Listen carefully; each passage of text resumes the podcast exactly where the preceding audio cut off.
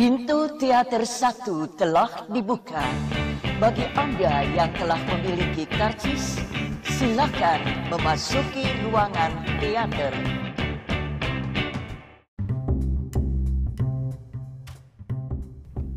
Balik lagi sama gua Mustafa di podcast Habis nonton film Wow, kalian denger tuh ada suara kembang api Ya, uh, selamat tahun baru buat teman-teman yang sedang Yang merayakan Karena gue sendiri sedang berada di kosan uh, Tidur di kamar Sambil teleponan uh, Dan uh, ya malam tahun baru kali ini mengajak gue untuk lebih beristirahat karena aduh gue semakin tua semakin rasa kayaknya tahun baru lebih enak di kamar gitu ya ngerasain uh, pergantian tahun dengan cara yang lebih sederhana. Oke.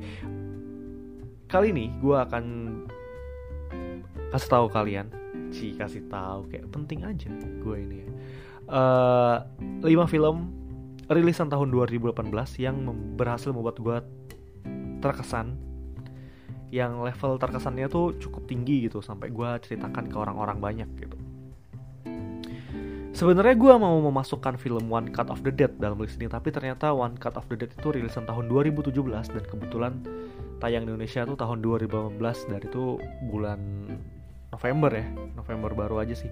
Nah, jadi gue nggak memasukkan list itu. So, uh, if you curious, uh, ini dia 5 film paling berkesan versi gue Yang pertama Oh yang pertama Yang nomor 5 Adalah Searching Kenapa film ini membuat gue berkesan Karena Dengan semangat indie Dan semangat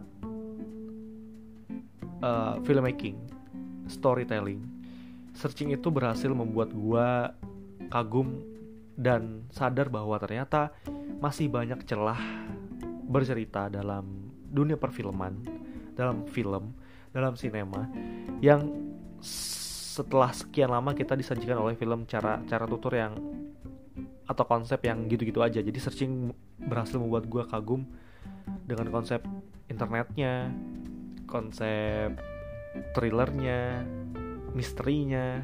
Itu gue suka, gue sangat into the film, gue suka dengan ceritanya dan mendengar latar belakang pembuatnya yang juga uh, besar di dunia IT jadi gue tidak heran kenapa film ini begitu detail dan berhasil membuat gue terkagum-kagum. Saat penontonnya gue bahkan nonton film ini dua kali di bioskop. So uh, searching kalau kalian belum nonton segera tonton. Uh, filmnya bagus banget film yang ya berhasil mem menemukan celah baru dalam cara bertutur film di tahun 2018 Nomor 4 ada Bohemian Rhapsody. Nggak banyak film yang berhasil bikin uh, eh, gue ternganga-nganga di bagian sepertiga akhir gitu. Apalagi setelah tahu filmnya sebenarnya udah selesai secara cerita gitu. Nah, Bohemian Rhapsody itu sebenarnya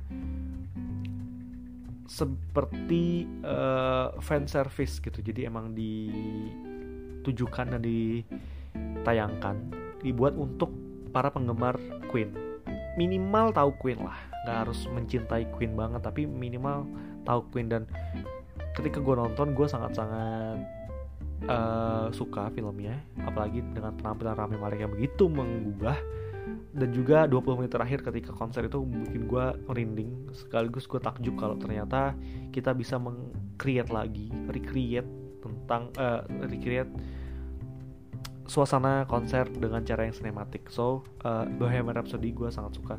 Itu nomor 4. Nomor 3 ada Brother of the Year, film Thailand yang berhasil membuat gue nangis terisak-isak di bioskop di bagian akhirnya.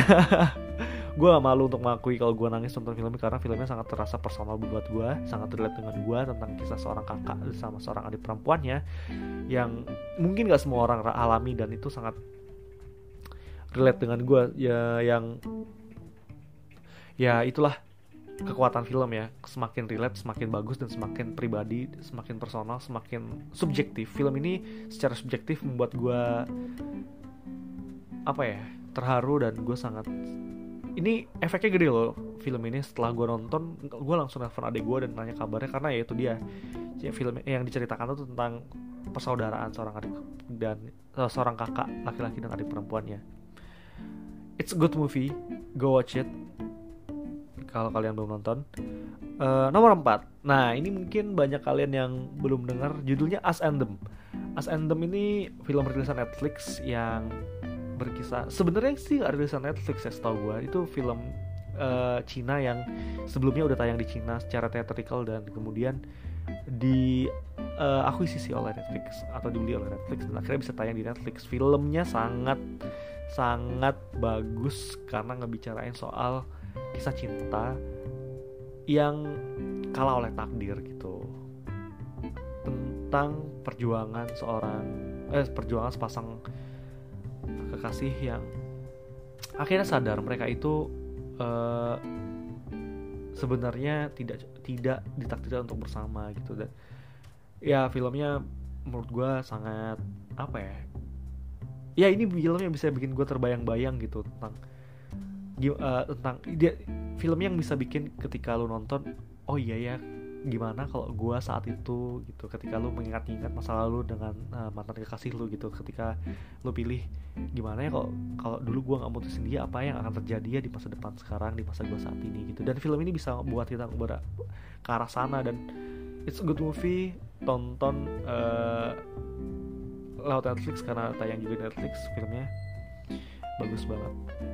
Ya ya itu yang bisa gue kasih tau karena ya itu kenapa filmnya bagus sangat berkesan ketika gue nonton dan setelah gue ceritakan ke orang dan orang lain nonton uh, responnya anjing lu mau ngapain sih lu nonton film ini ke gue gue masih kepikiran tahu dari kemarin apa eh, apa setelah nontonnya gitu.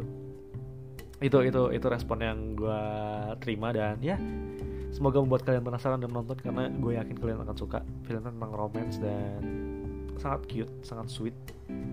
Cukup relate dengan kehidupan remaja di era modern sekarang ya Terus nomor yang terakhir nih pamungkas nih, mungkin kalian gak akan kaget sih film kayak gue sebut yang uh, judulnya Roma, film karya sutradara handal bernama Alfonso Cuarón yang berhasil membuat gue terengah-engah setiap scene-nya, saudara-saudara.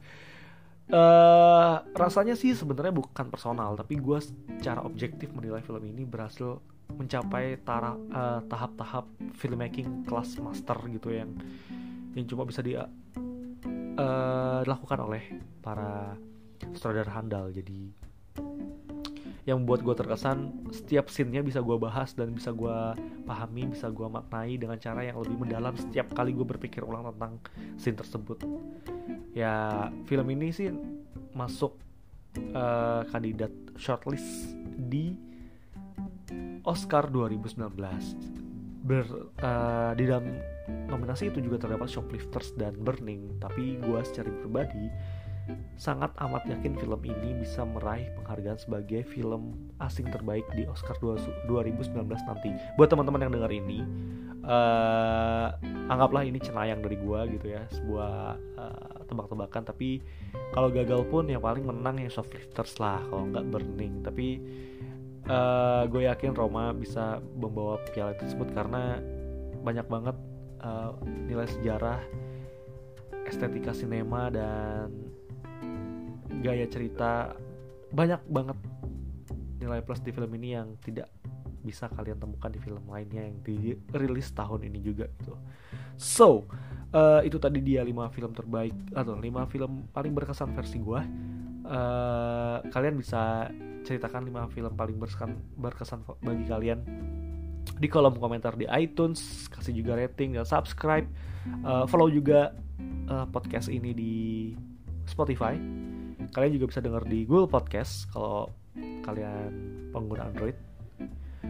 Uh, dan juga terima kasih buat teman-teman yang udah ngedengerin podcast ini karena selama akhir 2018 karena gue juga baru mulai uh, mari kita songsong 2019 dengan lebih banyak menonton film karena sejatinya film itu gak cuma media hiburan terdapat konteks budaya dan nilai-nilai lainnya yang bisa kita serap selama kita menonton film dan setelah kita menonton film.